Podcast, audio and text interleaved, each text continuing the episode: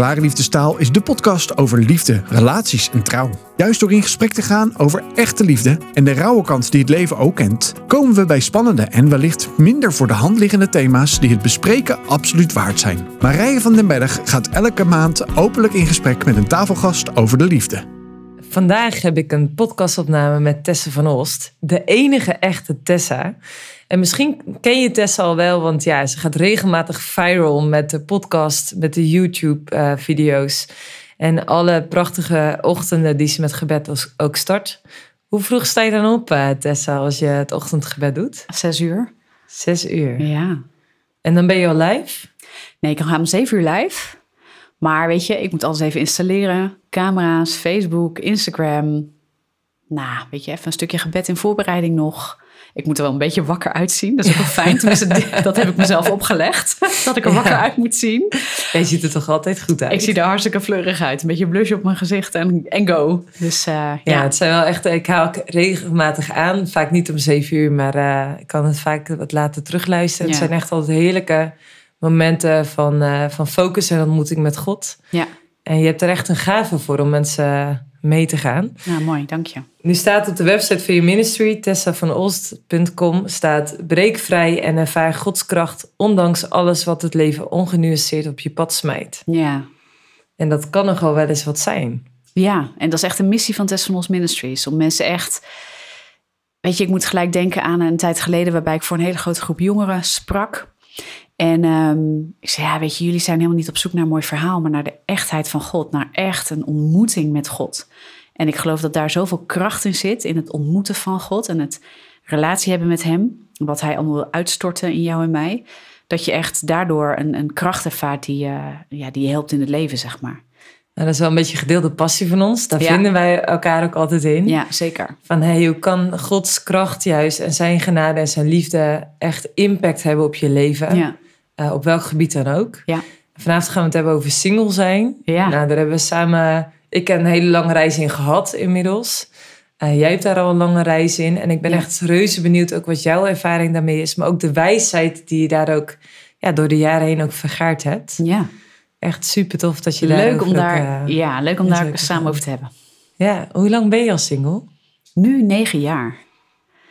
En dat is na een periode waarin ik, eh, nou, ja, moet ik het goed zeggen, zo'n beetje drieënhalf jaar samen was met iemand. En ook op het punt stond om te gaan trouwen in 2013. En dat was rond, rond deze periode ook. Eh, dus in mei zouden wij dan gaan trouwen. Maar zes weken voor het huwelijk brak hij dat af. En eh, ja, Oh. dat is een heel verhaal in zichzelf geweest, weet je. Ehm, daar kan je heel veel over vertellen natuurlijk, maar dat gaan we vandaag niet doen. Maar dat is wel heel pijnlijk geweest.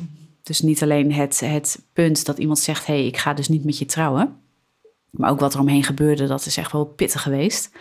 Ja, en dat heb ik wel even een behoorlijke plek moeten geven. En letterlijk mijn trouwjurk weer in de kast moeten hangen. En dat is wel een ding geweest. Heb je hem nog? De trouwjurk. Ja. Ja, ja, die heb ik nog. En het mooie is, ik heb die trouwjurk echt voor mezelf gekocht. In de zin van, ehm, dat vond ik mooi en dat paste bij mij. Los van wat ik daar verder misschien om me heen zag. Ik heb wel eerder mensen gesproken die, eh, die dit overkomen is. Dus echt net voor de bruiloft een escape. Ja, Dat maakt wel een hele diepe indruk op je. ja dat klopt. Ja. Ja, weet je, je gaat, tenminste, ik ben, ik ben heel erg eh, iemand die naar binnen kijkt. Dus heel erg, heel erg bij mezelf gaat zoeken van wat heb ik fout gedaan en waar is dit misgegaan en welk aandeel heb ik. Zo erg dat mensen vaak zeggen, god Tess, weet je, er is ook nog een andere partij hè, die eh, waarschijnlijk ook eh, misschien niet eh, heel erg lekker hierin heeft gelopen. Mm. En dat klopt, weet je, daar was echt wel, ook, er speelde echt wat, er was veel meer aan de hand. En ehm, ja, weet je, dat is gewoon een heel treurig verhaal in zichzelf. Ik heb daar heel veel in meegemaakt. Ik ben mezelf echt verloren. In de zin van dat je ook, ehm, weet je, eigenlijk zo diep gaat graven bij jezelf van wat is er misgegaan. En ook zo nog lang blijft proberen om te kijken of je het goed kan krijgen. En ja, dan verlogen je jezelf, maar niet zoals de Bijbel dat bedoelt, zeg Mhm, maar. De ja. Bijbel heeft het ook over jezelf verlogenen. Maar dat, daar gaat dit niet over. Nee. En dat was echt ehm, jezelf op een verkeerde manier laten vernederen en vernederen. Dat is eigenlijk wat er is gebeurd ook. Dat is een onderdeel van dat verhaal. Dus toen ik daar uitstapte en dacht van, nou weet je, deze strijd is gestreden, maar ook, ook verloren, voor mijn gevoel in, in die zin, eh, dan gaat er nog een proces van herstel komen. Nou, en hoe ik dat herstel ben ingestapt, dat heeft heel veel weer bepaald voor mijn single zijn ja, in de periode die daarop is gevolgd. En ook hoe ik kijk naar relatie en hoe ik dat weer zou zien. Ehm, ook met God en naar een eventuele toekomstige partner. Ben heel erg benieuwd. Ja. Wat, wat heb je daarin ontdekt in dat herstel? Nou, uh, het verhaal in zichzelf bracht heel veel uh, beschadiging mee. Um, dus um, wat ik heb gedaan voor mezelf, eigenlijk gelijk met God, want ik heb uh, door meerdere ervaring zou ik bijvoorbeeld mannen in het algemeen, als je niet uitkijkt, kun je een negatief stempel gaan, gaan drukken. Mm -hmm. En dat wilde ik gewoon niet. Weet je, want dat is niet Gods perspectief op de man. En ik voelde ook, ik moet uitkijken dat deze beschadiging en deze gebrokenheid en dat wat er is gebeurd, mij niet gaat brengen in een projectie naar mannen, waarbij ik voortaan altijd beschadigd ga reageren naar iedere man. Ik denk dat dat voor veel vrouwen wel herkenbaar is, of pijnlijk ja. confronterend is dit. Ja, confronterend denk ja. ik, want ik denk dat we dat heel makkelijk doen. En ik, ik wilde dat gewoon pertinent niet. Ik wist ook dat kan ik me niet veroorloven, want ik uh, ga daarmee ook uh, beschadiging brengen aan dat wat God wel in mijn leven wil brengen. Dus of ik nou verkeerde keuzes heb gemaakt, of dat de ander nou verkeerd is geweest, of dat je nou schade is toegedaan, of dat je zelf uh, schade hebt aangebracht. Wat ik uiteindelijk wil is Gods perspectief op dingen, want alleen in Gods perspectief kun je ook helen. Want als je werelds perspectief blijft houden, hè, of zoals de wereld kijkt naar dingen, dan blijf je ook vanuit een bepaalde gebrokenheid komen. Terwijl God zegt, hè, je kan mij kennen in, in mijn volheid. En ik geloof dat God dat in elk gebied van ons leven ook wil laten zien. Bijzonder hoe je dat zo stelt.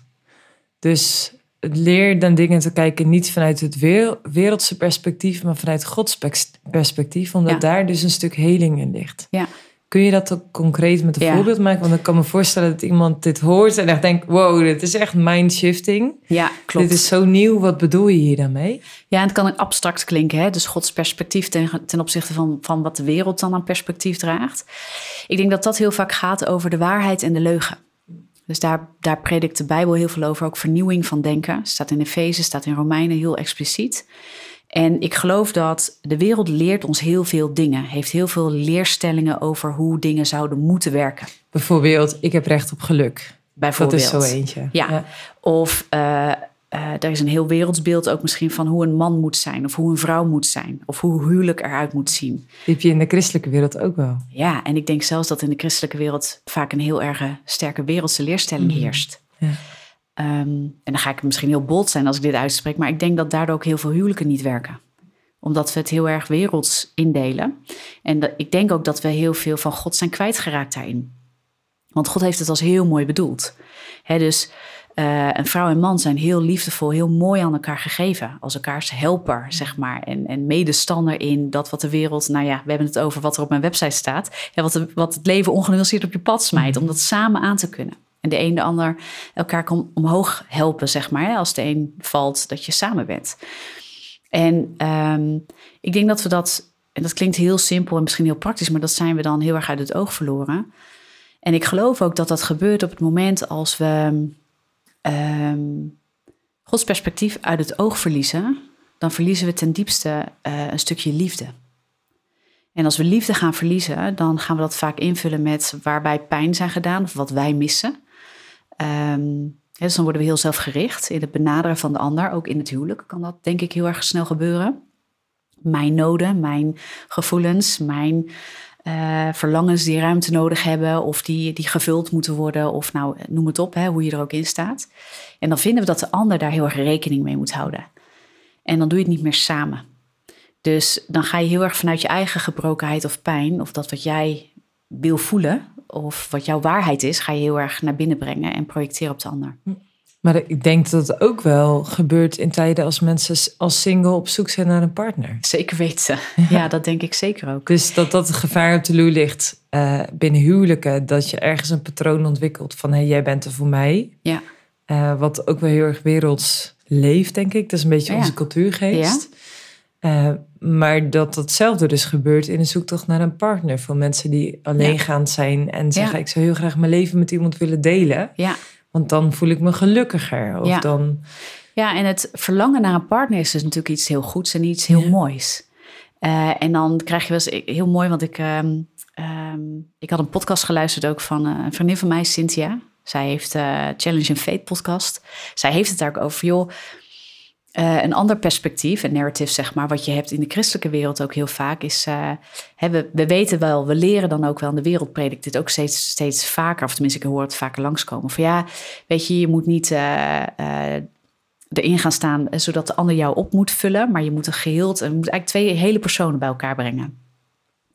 Maar als je naar geheeld kijkt als een soort perfectie, hè, dus ik ben helemaal al geheeld en jij bent helemaal al geheeld, nou, dat is, dat, daar ligt wel een hele lading in zichzelf op als je er zo naar kijkt. Van ik heb geen issues meer, jij hebt geen issues meer. En dat is de vertaling die we er vaak aan geven. Nou, dan pas ben je klaar voor een relatie. Maar dat, ja, dat geeft ook een klem mee. Dus zij zei heel is, mooi. Wanneer is het moment dat je goed genoeg geheeld bent... dat je klaar bent voor een ander? Nou, dat. En ik denk dat, dat dat is ook geen juist beeld. Nee. dus um, wat zij heel mooi zei bijvoorbeeld in, in haar podcast hierover was van joh, um, laten we het woord geheeld eens vervangen door eerlijk. Twee eerlijke mensen. Mm. En eerlijke mensen durven naar hun processen te kijken. En uh, zoals ik daar zelf naar kijk, ik heb daar ook wel over nagedacht. En ook naar, naar aanleiding van deze podcast dat we dit zouden doen. Van ja, weet je, hoe sta ik daarin? En ik zie het woord geheeld veel meer als iets dat, um, dat we als mensen erkennen dat, um, um, nou, dat er een godsperspectief is en dat er door onze ervaringen waarschijnlijk gebrokenheid is, of dat we misschien wel een wereldsperspectief hebben, hè, daar waar de leugen misschien de wereld ons leugens heeft aangeleerd, waar God eigenlijk een heel ander, veel beter, veel mooier perspectief voor ons heeft. En als je allebei bereid bent, dus ook in je single leven, in de persoon, zou je daar dan al bereid toe moeten zijn dat je denkt, hé, hey, ik ga met dit hele onderwerp, wat, wat ook het issue is van je leven, ga ik eens kijken welk perspectief draag ik? En waar zit er bij mij gebrokenheid? En kan ik eerlijk kijken? Hè, dus zoals Cynthia heel mooi in haar, podcast zegt. Maar heling is dan denk ik dat we gewoon puur bereid zijn om naar alles in het leven te kijken. Van hé, hey, ik ben altijd bereid om mijn perspectief onder de loep te nemen en te vervangen door Gods waarheid, Gods perspectief op dingen. En als ik dat zelf kan doen en ik durf dat, en ik stap dan met iemand in zee die dat ook wil. En dat je eigenlijk altijd zegt van hé, hey, maar als we het samen doen, dan doen we hetzelfde. Namelijk samen zoeken we God voor zijn perspectief op ons leven. En ik geloof dat het dan niet zo verkeerd kan gaan. Dan kan het misschien een keer knallen en dan kan je eens een keer verschil van mening hebben. Maar dan gaat het er niet over dat, dat, je, dat je niet kan dealen met verschil van mening. Maar dat je samen God zoekt daarin. En ehm, dat je allebei bereid bent eerlijk te kijken en open te kijken naar ja, wat God te zeggen heeft. Ja, ik vind het heel mooi. Dat is ook wel wat ik nu herken in mijn relatie met Jan. Ja. Dat we daarin eigenlijk vanaf het begin al zeiden van... hé, hey, hoe kunnen we elkaar dichter brengen naar het beeld wat God voor ons bedacht heeft. Ja. Maar die intentie heb je dan wel nodig. En anderzijds denk ik aan een van de overtuigingen die ik had... Uh, door de relaties heen die ik gehad heb... was dat een man wel iets kan zeggen, maar iets anders kan doen. Mm. Dus een man kan zeggen, ik, ik wil eervol met je omgaan... Ja maar ondertussen een andere agenda hebben. Ja. Die ik dus als jong meisje nog niet door had. Ja. Of iemand die zegt, zeg maar, hè, dan check je dingen waarvan je denkt, hm, klopt het eigenlijk wel? En je checkt het. En de ander die zegt, ja, maar dat wat jij zegt, dat klopt niet. Dus dat je eigenlijk aan jezelf gaat twijfelen. Dat raakt eigenlijk datzelfde stukje. Ja. En dan weet je wel, oké, je kunt daarin samen toevallig had ik het van het weekend nog met Jan over. Van dat dat dus zo mijn, mijn verhaal is, zeg maar, met mannen. En hij zegt dan, vroeg dan ook direct van... hey, ervaar je dat ook wel eens bij mij? Ja. En gelukkig kon ik zeggen... nou, ik echt gewoon nadenken, nadenken, nadenken. Van, ja, dat heb ik echt nog nooit ervaren. Uh, bij, bij Jan, zeg maar. En dat is heel erg kostbaar. Zeker. Maar die, die aanname, die kan zo diep zitten... Ja Zelfs dat hij niet aan het licht komt, omdat hij zo diep geworteld zit, die leugen. Ja. Uh, dat je er eigenlijk al van uitgaat dat welke man je ook tegenkomt, hij eigenlijk niet te vertrouwen is op zo'n ja. woord. Ja, en dat kan dus heel diep zitten. En dan als je dat perspectief algemeen gaat dragen, vaak onbewust nog ook, hè? Naar bijvoorbeeld mannen in ons geval. Maar mannen hebben dat natuurlijk andersom ook naar hun mm vanuit hun ervaringen met vrouwen. En hoe kun je daar dan, want eh, iemand dan leren vertrouwen is dan altijd spannend. Ja. Iemand kan er wel zeggen van hé, hey, ik, wil, ik wil God eren, ik wil God dienen. Maar dat stukje echt overgeven tot een stuk heling of eerlijk onder ogen durven komen. Ik denk dat het echt reuze moeilijk is, omdat je daar ook een stukje veiligheid voor nodig hebt. Maar in de beginfase van de relatie is het altijd extreem onveilig. Ja. Super spannend, extreem eng. Want je weet niet, oké, de ander die zegt nog geen ja, ik wil de rest van mijn leven bij je blijven. Nee, dat ga je onderzoeken als het goed is. Ja, dat ga je onderzoeken. Maar in die fase is het dus echt extreem spannend. Ja. Dat weet ik nog wel van het begin met Jan, dat ik echt dacht... Oké, ik heb nu echt een neiging in mijn oude patroon te, te stappen en Ja. dus te vertrekken. En dan op te eisen, ik wil nu weten waar ik aan toe ben. Dat was een beetje mijn reactie. Dan maakte ik het gewoon bespreekbaar. Van, en eh, wordt het nog wat? Of, eh, maar dan was ik eigenlijk emotioneel al uitgezipt. Gewoon door Ja. de angst. Ja. En ik weet nog waar ik liep, dat ik dat dus voelde. Dat dat mechanisme weer kwam. Ja. En dat ik echt mijn hart toesprak. Oké, dit vind je echt rete spannend. Ja. Dit, dit, het vleug me soort van aan. Ja. Gewoon de, de, het niet weten. Daarom was het dus ook heel erg spannend. Daarom Ja. was het ook echt heel erg kwetsbaar. Hoe ga jij met dat soort dingen om? Ja, ik heb, weet je, nadat ik zou gaan trouwen, ik heb echt wel, eh, ik ben, ik, ja, als jonge meid had ik al niet zo makkelijk dat ik of verliefd werd of eh, zomaar geïnteresseerd was in, eh, in iemand. Ehm, ja, en hoe ga ik daarmee om? Kijk, want ik heb daarna echt wel eens een, een enkele man zeg maar ontmoet. En weet je wat ik, wat ik in die tussenperiode heel vaak te horen krijg? Ah, zo'n meid als jij en waarom heb je nog Ja. geen vent? Je hebt zeker te hoge eisen of je bent beschadigd door toen. En op allebei kan ik zeggen, nee, dat is niet waar. En Ja. dat durf ik echt te zeggen met, met echt rust in mijn hart. Maar iedereen die al wat langer single is, ergens in de 30, 40, die krijgt het allemaal te horen. Wat is er Ja, mis en je met gaat jou? echt wel, ja. En als mensen dat nou genoeg zeggen, dan ga je echt denken, ja, wat is er inderdaad mis met mij? Weet je, wat, waar gaat dit mis? Hè? Dus je gaat ook denken, ja, misschien ben ik onbewust wel niet bereikbaar. Hè? Of dat ik me eigenlijk ten diepste niet openstel. Of heb ik dan toch een hoog eisenpakket? Of heb ik stiekem, eh, nou ja, noem het. Weet je, je kan zoveel dingen opnoemen wat eh, in de weg kan zitten. Maar omdat ik daar heel bewust mee bezig ben geweest, vanuit wat er gebeurde, ik niet bang voor, ben voor zelfreflectie, dus dat eerlijk kijken naar mezelf, moest ook leren dat er een deel bij de ander ligt. Weet je, en dat heb ik echt moeten erkennen, want er zat heel veel pijn, eh, die ook erkend mocht worden. En er is mij ook echt wel schade toegebracht, zeg maar. En om te helen moet je dat wel erkennen. Ik heb heel bewust een proces van vergeving gelopen. Net zolang totdat ik het voelde en echt oprecht voelde. Ehm, vond ik heel belangrijk. En als ik dan nu naar, naar een persoon kijk, ik vind het verhaal van eh, Isaac en Rebecca dus heel mooi. Dat heeft mij op een gegeven moment aangegrepen. En wat je ziet is, ziet is dat in dat verhaal, er staat een Genesis, oh, moet ik even denken, zeg ik dat goed?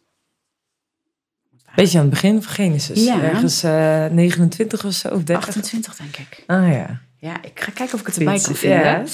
Maar het verhaal is eigenlijk dat Abraham op een gegeven moment eh, stuurt zijn bediende erop uit eh, om voor Isaac een vrouw te gaan vinden. Nou, Was dat maar zo makkelijk? was het maar zo makkelijk. En ik zei tegen God eigenlijk, nou dat wil ik ook. Als u nou voor mij mijn partner even gaat vinden, dan vind ik dat eigenlijk wel een goed geregeld plan. We hebben geen kamelen meer en geen Nee, dat is allemaal heel erg jammer. Dus ehm, dat verhaal moet er iets anders uitzien in deze tijd. Maar ik geloof zeker dat er heel veel aspecten zitten in dat verhaal. Ja. Waar wij heel veel uit kunnen halen als mens. En als single en als partnerzoekende. Ehm, maar wat je eigenlijk ziet is dat Abraham geeft de voorwaarden aan zijn bediende mee. Van daar mag je zoeken. Dat is de plek waar je eventueel een vrouw kan vinden. Eh, dat is goede grond, zeg maar. En ik geloof dat, dat als we kijken naar ons eigen leven... Hè, we kunnen wel zeggen van ja, ik moet een christenman eh, als vrouw zijn. Ik moet een christenman of ik moet een christenvrouw hebben als partner. En eh, nou, weet ik veel. misschien heb je verzonnen dat ze naar die of die kerk moeten. Maar dat, dat, kan, dat kan heel religieus worden. Maar wat ik Abraham zie doen, hè, dus goede grond is de afkomst van iemand. ehm, en de vruchten in iemands leven zijn daar al zichtbaar. Dus hij zoekt iemand die wandelt met God voor zijn zoon. En dan gaat de bediening op pad. En nou, die weet dus, hè, daarbuiten moet ik niet zoeken. Die goede grond, daar, daar wandelen mensen met God, zeg maar. Daar gaat hij zoeken. En als de bediende op de plek is aangekomen, dan vraagt hij ook aan God van, nou, wilt u ehm, ja, gratie hebben, grace hebben naar, naar Abraham, maar wilt u ook mij het goede moment, de juiste momenten geven en de herkenning? En dat vind ik iets heel moois. Dus wat hij zegt is eigenlijk leer bidden voor, ehm, voor, het, voor dat wat God aanwijst. Maar dan moet je ook wel herkennen wat God aanwijst. Dus hij bidt op een gegeven moment voor een, voor een vrouw. Hij zit bij de put en hij zegt, nou laat een vrouw die naar mij toe komt, laat ik haar vragen. Dus hij zegt, ik gooi eigenlijk iets open, laat ik haar vragen of ze mij, eh, eh, mij water kan geven. Maar laat het teken zijn dat zij dan niet alleen mij water geeft, maar dat ze ook oog heeft voor alles wat ik heb meegebracht, zijn kamelen. En dat is eigenlijk wat ik denk uh, heel belangrijk is, is dat we mensen vinden, hè, dus dat, dat een partner oog heeft voor alles wat jij meebrengt. Niet alleen wat ze willen zien in jou. Dus dat is eigenlijk het teken van Rebecca, is dat zij een, een vrouw is van grace ook. Zij ziet wat er nodig is. Zij kijkt, de extra maal wordt het ook wel eens genoemd. Uh, zij ziet het extra, zij ziet alles wat iemand meebrengt. En ik geloof ook dat we soms te gericht op onszelf zijn in het zoeken van de partner. En het is goed om een match te vinden. Ik geloof ook dat verliefdheid erbij hoort. Dat hoeft niet gelijk in het begin te gebeuren. Want sommige mensen denken, ja, als ik niet gelijk verliefd ben, dan is het over. niet. nou, weet je, dan mis je heel veel. Oh, dat heb ik zo vaak gehoord. Maar je bent echt een fantastische vrouw, maar ik ben niet verliefd. Ja, maar dan hebben ze het. Kijk, en dat kan, want als het, soms komt het gewoon niet. Maar soms heeft het tijd nodig. En wat ik in dit verhaal zie, is dat mensen eerst bezig zijn geweest met kijken: wat is goede grond? Waar kan goede vrucht op ontstaan? Dus wat zie je in de bron van iemands leven? Wat is de bron van iemand? Is dat Jezus? Ehm, of is dat religie? Weet je, zeg ik dingen of laat ik vrucht zien in mijn leven? Dus ik denk dat dat het eerste is. En Abraham wist waar hij dat moest zoeken. Die heeft een relatie met God, dat deed hij niet alleen. Hij wist waar hij voor zijn zoon een vrouw vandaan kon halen. En dan de bediende kent dat ook. Die wandelt ook met God. En die, die vraagt ook aan God, hè, geef gratie, geef, geef ruimte voor het herkennen van het, dat wat u aanwijst, wat u heeft gezien. Ja, want daar in de grondtekst staat ook wel iets bijzonders. Ja. Dat is dat woord kara. Kara, ja. Volgens mij spreek je het uit als kara. Ja, kara. En uh, ja, dat betekent eigenlijk uh, uh, goede momenten. Goede momenten en ja, divine moments eigenlijk. Hè? Dus goddelijke momenten. Ehm, het wordt vertaald ook als succes hebben. Maar succes hebben wordt hierin vertaald als het juiste moment van God herkennen. De juiste persoon, ja, de, juiste moment. succes zit dan niet zozeer in datgene wat jij dus bereikt. Maar dat succes zit hem Is dus het in het herkennen wat van God komt. Het herkennen wat God tot je brengt. Ja, dus eigenlijk de wijsheid hebbende van dit is hetgene wat God... Uh, heb je wel zo'n moment gehad? Zo'n ja, moment? Ja, ik heb wel meer, veel meer van die momenten gehad. Maar blijkbaar nog niet in de juiste vent. Of nog niet nu in ieder geval dat het altijd uiting is gekomen. Hey, en, en, ehm, en hoe herken jij die momenten dan? Want het is zeg maar, hè, dat kara-moment is dus dat je ziet, dit is iets van God, dit is echt van Hem. Hoe zie je dat? Nou, ik merk het tegenwoordig door een soort diepere verbinding die ik ervaar, vaak met mensen of met iets wat er gebeurt. Dat je, het grijpt je. Maar niet in een soort overweldiging. Kijk, verliefdheid kan je helemaal uh, swap je off je fiets, zeg maar. Mm. Hè? Die kan je echt uit je sokken blazen. Maar dan heb je vaak ook een soort... Ja, dat kan je overal heen sturen, zeg maar. Dan kan je ook enorm door misleid worden. Maar kara, dus het echte herkennen van Gods dingen... ik geloof ook dat daar is weinig ruimte voor misleiding omdat je met de vrucht van God bezig bent. En omdat je vanuit de relatie met God al hebt gezocht. En het, het valt op een gegeven moment op zijn plek. Is het een soort van diep weten? Ja, een diep weten. En dat vond ik heel lastig om te horen vroeger. Ik dacht, ja, dat gedoe over diep weten. Ja, als je hoofd en je hart in één lijn zijn. Ik kon daar niks mee. En toch bestaat het. Ja. ja, ik kan het ook nooit uitleggen. Mensen vragen wel eens aan mij, wanneer weet je of dat God spreekt? En dan weet ik, dat weet ik. Ja, maar dus dat, komt ook. Gek. Ja, maar uh, ja en nee. Maar het is ook omdat jij al heel veel tijd met God hebt doorgebracht. Hm. In zijn woord, in gebed. En op een gegeven moment leer je de stem van de Vader... of je leert de stem van Jezus of van de Heilige Geest verstaan. Hm. En uh, dan wordt misleiding ook moeilijker. Dat kan er niet zo makkelijk meer tussendoor komen. Hm. Dus wat God ons vertelt is... Uh, leef dicht aan mijn hart. Want als je mij kent, herken je ook mijn zaken. Als je mijn perspectief op de zaken weet, dan herken je ook, dan ga je ook onderscheiden wat misleiding is. En ik geloof ook dat we in de christelijke wereld heel erg misleid zijn, omdat we heel erg de wereld hebben laten dicteren hoe huwelijk en hoe relatie en hoe liefde werkt. Dat heb ik echt heel erg geleerd. En hoe werkt liefde bij God? Ja, onvoorwaardelijk hè, zou je zeggen. Maar um, ik denk dat liefde bij God werkt, dat je, als je het in de kaders ziet van samen zijn tussen man en vrouw, uh, Efeze spreekt er mhm. heel erg mooi over. Hè? Dus, I love it. Ja, weet je. Uh, de man wordt gevraagd daar zijn vrouw lief te hebben zoals Jezus de gemeente lief heeft. En de vrouw wordt gevraagd haar man te respecteren. En ik geloof dat daar iets zit wat heel diep en heel intens is. En dat dat ook de basis is voor man en vrouw, maar alleen als God het hoofd is.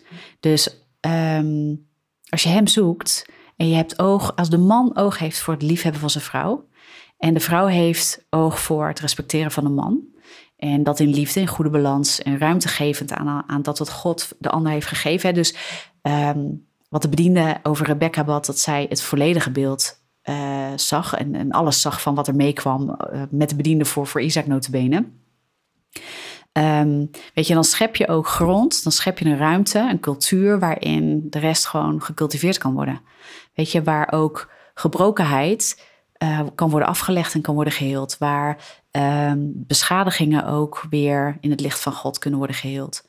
En dan ben je ook elkaars helper, daadwerkelijk. Weet je, de man brengt de vrouw verder en de vrouw brengt de man verder in de bediening die God op hun leven heeft gegeven. En ook in de bediening naar elkaar. En dat is eerst de ander voor ogen hebben. En je hoeft jezelf daarin niet te verloochenen op een verkeerde manier. Ehm, je brengt echt het beste in elkaar naar boven. En ik geloof dat dat Gods liefde is die wil het beste in ons naar boven brengen. In relatie met Hem. Dus dat is ook dat eerlijke stukje naar jezelf. Ja, want als God eerlijk is met ons, Hij wil dat je loskomt van de zonde. Hij wil dat je volledig in je bestemming wandelt. Hij wil dat, je volledig, uh, dat hij jou volledig kan liefhebben. Waardoor je eigenlijk tot heling komt. En dat je heel je hart aan hem geeft. Nou, dat heeft God ook voor man en vrouw aan elkaar gegeven. Dat is liefde. En dat betekent onvoorwaardelijk eerlijk durven zijn, je gebrokenheid op tafel leggen en God erin laten komen. Ja. Dat is een dat beetje is hoe ik naar kijk. Het allermoeilijkste voor mensen ja. om. is heel kwetsbaar. Naar elkaar te erkennen van hé, hey, ik ben dus niet volmaakt. Of ja. dit is wat mijn pijn doet. Ja. Of uh, ik denk dat de neiging ook heel erg te snel in ligt dat je dingen gaat bagatelliseren. Ja. Of dus niet benoemt, uh, waardoor er uiteindelijk zoveel oude koeien zijn dat alles wat er ontstaat stinkt. Ja, ook de, dat is een mooie uitdrukking. Ja, ja. ja. Ja, en dat zie je ook als we, als we met heel veel uh, bagage in, in een relatie stappen. Je bagage is niet altijd erg hoor. Daar zijn we soms heel bang voor. Maar als je niet bereid bent op die manier naar je bagage te kijken, dan kun je er helemaal niks mee. En dan wordt het, dan wordt het stinkende koeien en uh, een berg met dode materie, wat heel erg gaat stinken, inderdaad. Ja. ja. Ja, dat is de reden dat ik met uh, Klare Liefdestal ben begonnen. Ja. Uh, omdat ik zo'n passie heb voor, voor een stuk heelheid ja.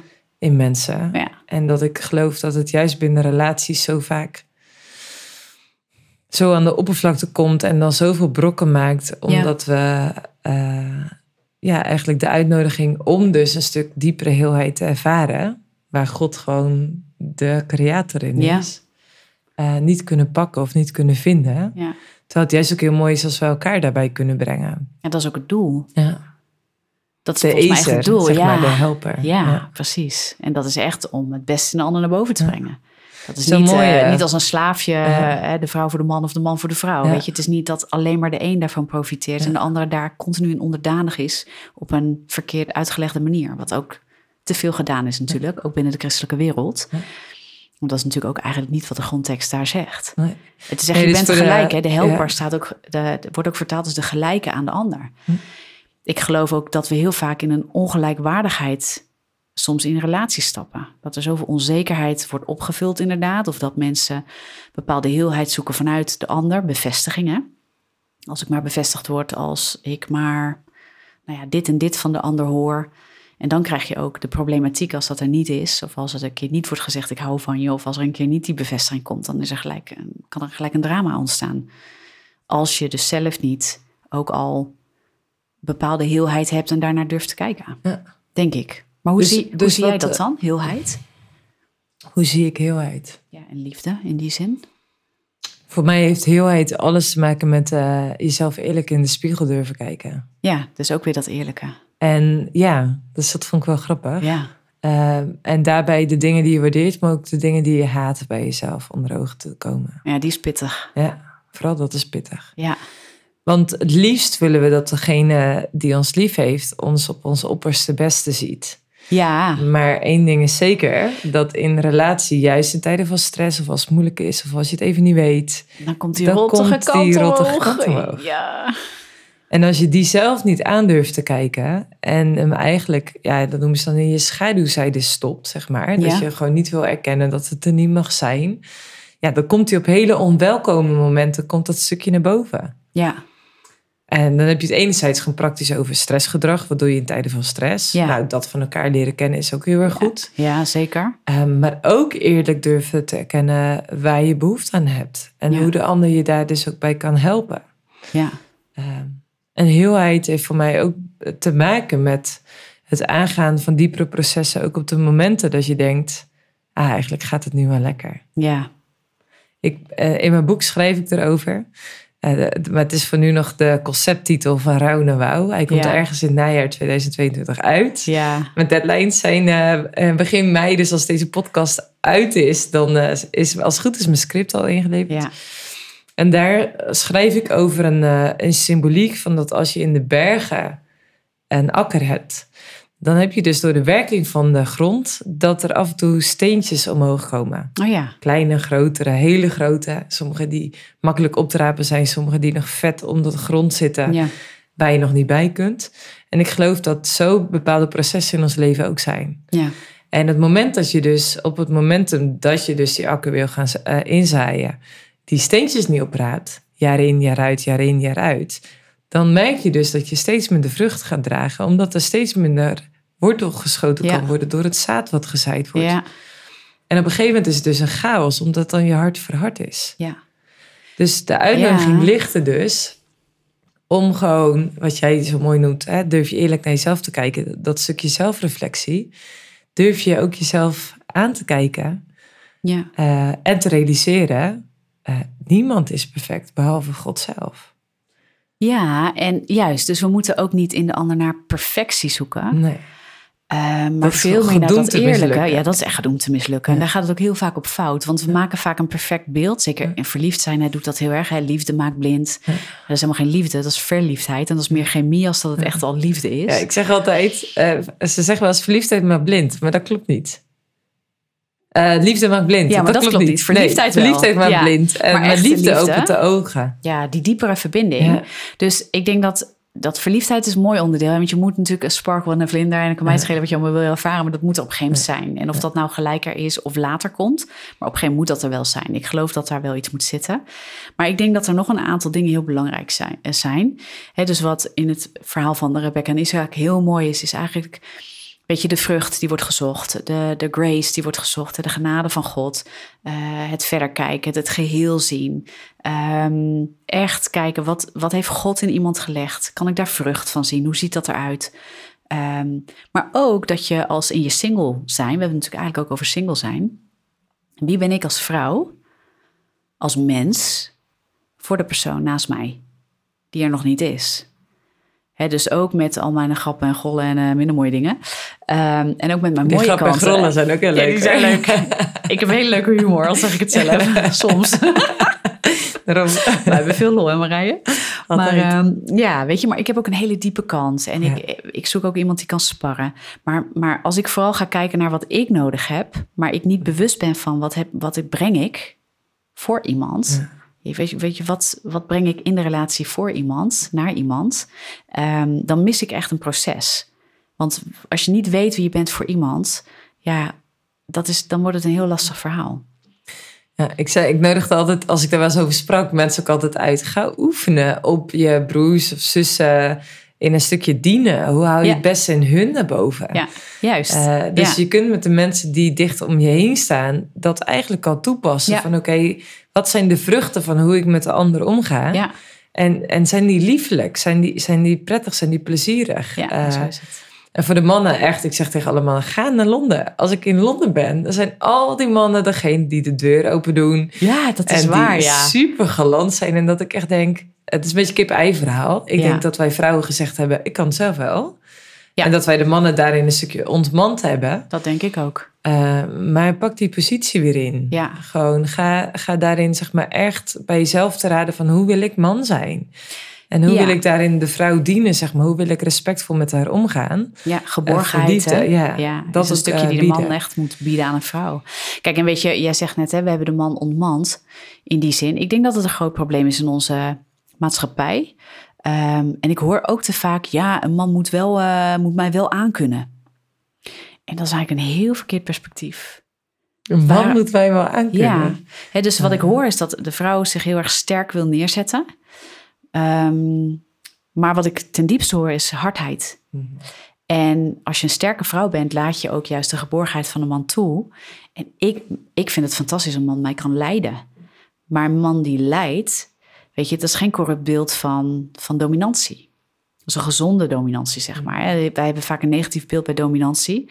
Maar eh, alles wat corrupt is, heeft een goede oorsprong. Hij is een man die leidt, die leiding neemt, die zijn vrouw begeleidt in haar vrouw zijn, haar lief heeft en haar fantastisch vindt.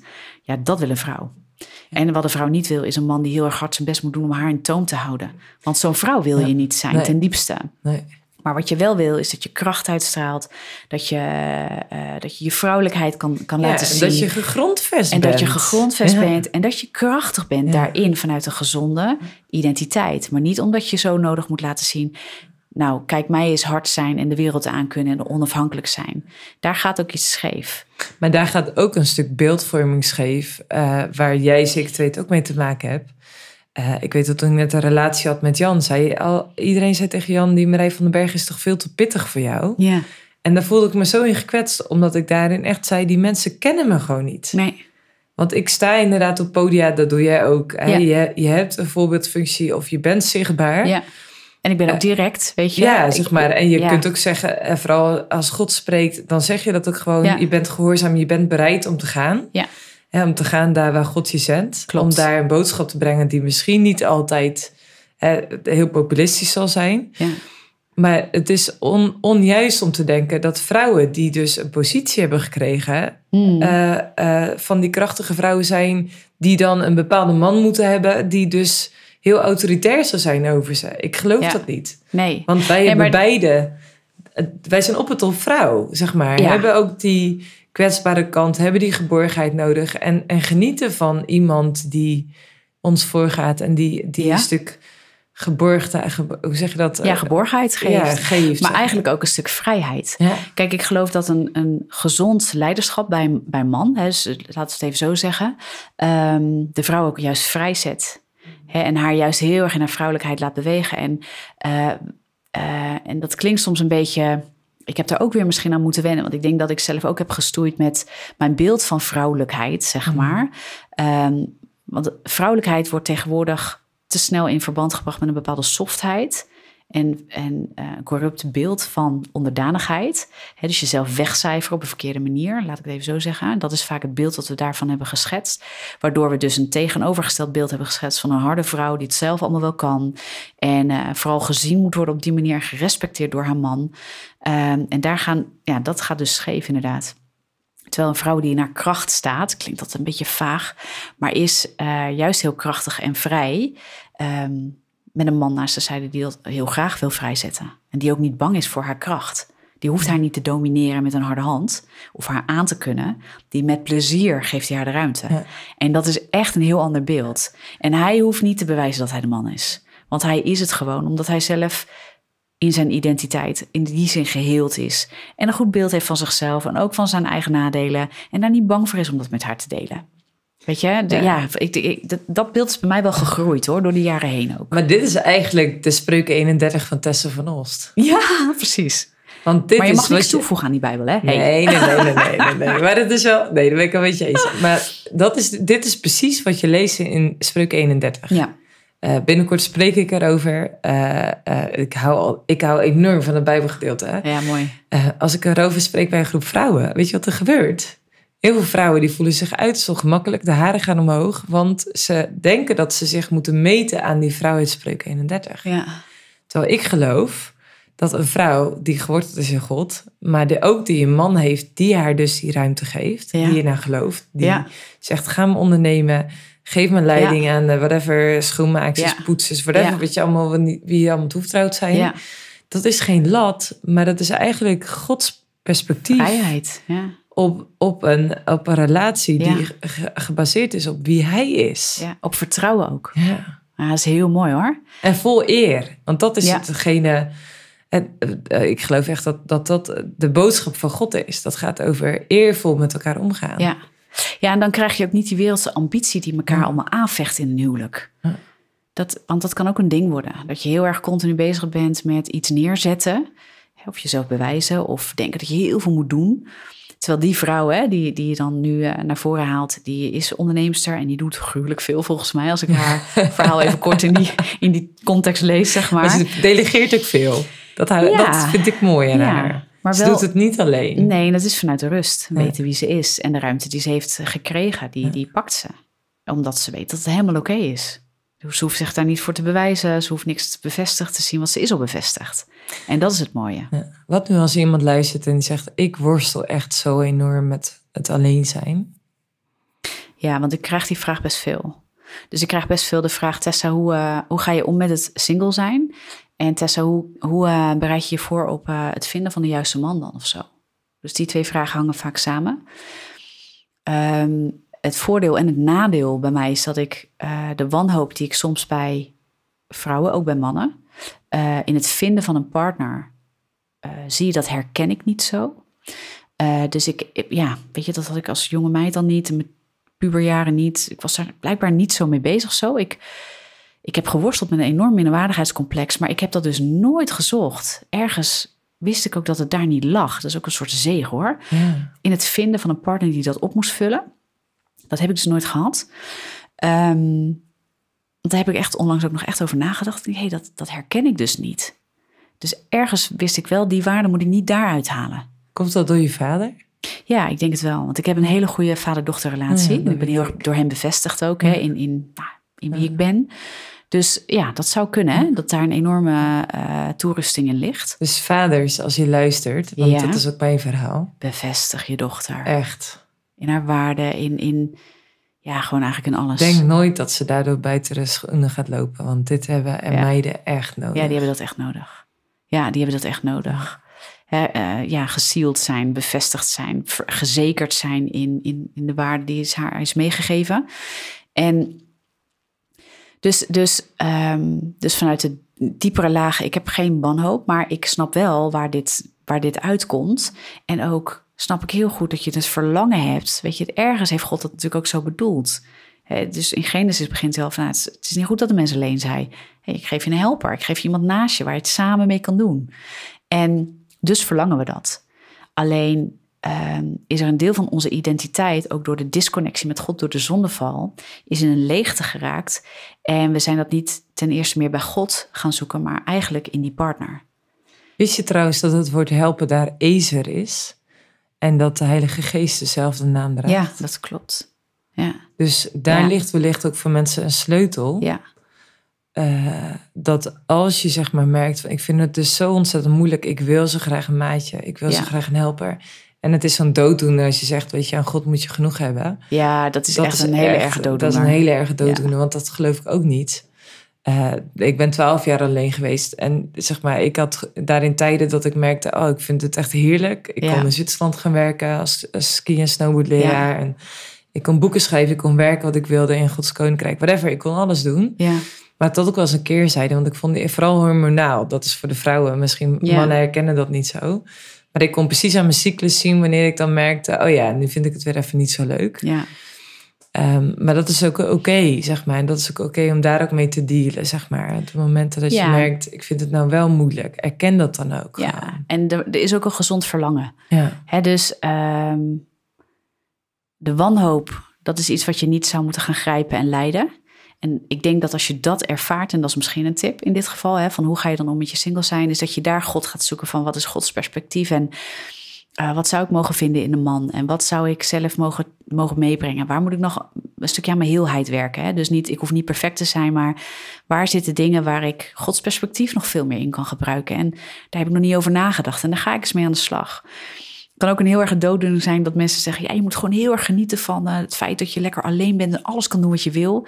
Ja, maar dat is nou net niet het antwoord op het, op het verlangen wat je hebt, namelijk nee. dat je dat graag met iemand samen wil doen. Dat heeft niks met elkaar van doen, zeg maar. Dus uh, leg die dooddoeners in liefde uh, naast je neer. Ja. En ga heel bewust eens met die dingen aan de slag in je leven. Hè? Dus wat verlang je echt ja. als je het hebt over een partner? Is dat je tijd uh, opvullen met iemand? Of maar, want dat, dat kan oppervlakkig heel erg daar ook je in meeslepen. En jezelf zelfs in misleidingen brengen. Dat je je tijd gaat verdoen met mensen die eigenlijk helemaal niet de juiste mensen zijn voor jou. Even los hè, van, van alleen maar een liefdesrelatie, ook in vriendschappen. Uh, dus wat gaat jou echt aan het hart? Wat leeft er in jou? Wat zijn je waarden? Wat zijn je normen? Um, waar ken je Gods perspectief? Waar ken je God? Dus niet alleen Gods perspectief, maar om Gods perspectief te kennen moet je God kennen. Ga tijd met hem doorbrengen. Bid, lees, Luister preken over single zijn en over huwelijk en kan mij het schelen. En vul je op een gezonde manier met je beeld van wat God eigenlijk daarin wil doen voor jou. En als je gericht bent op God, en dat is eigenlijk wat God je leert. En als je met hem wandelt en je bent bereid, net als Abraham, net als Isaac, Rebecca, en, en zo zijn er misschien nog wel veel meer verhalen, uh, te kijken naar Gods vrucht in iemands leven, dan mag je bidden in de tussentijd voor de juiste timing en de juiste persoon op de juiste plek in je leven. En ja, dit leven is niet perfect. Ik denk ook soms, jongens, ik word er 42 dit jaar, waarom uh, moet ik nog steeds wachten? Hè, dus ondanks dat ik niet zo'n erge wanhoop heb, denk ik soms wel, nou ja, de tijd vordert wel of zo. Uh, zou ik niet ook als ik er al uh, ergens daar moeten staan? En dan laat ik het weer los, want het heeft totaal geen zin om dit af te dwingen bij mezelf. Want dan komt het niet door naar voren. Wat ik wel merk is dat ik denk, hé, hey, maar waar heb je dan verlangen naar, Tess? En waarom heb je daar nu ineens, ben je daarmee bezig? Ik ben er nu ook meer mee bezig dan bijvoorbeeld de drie maanden geleden.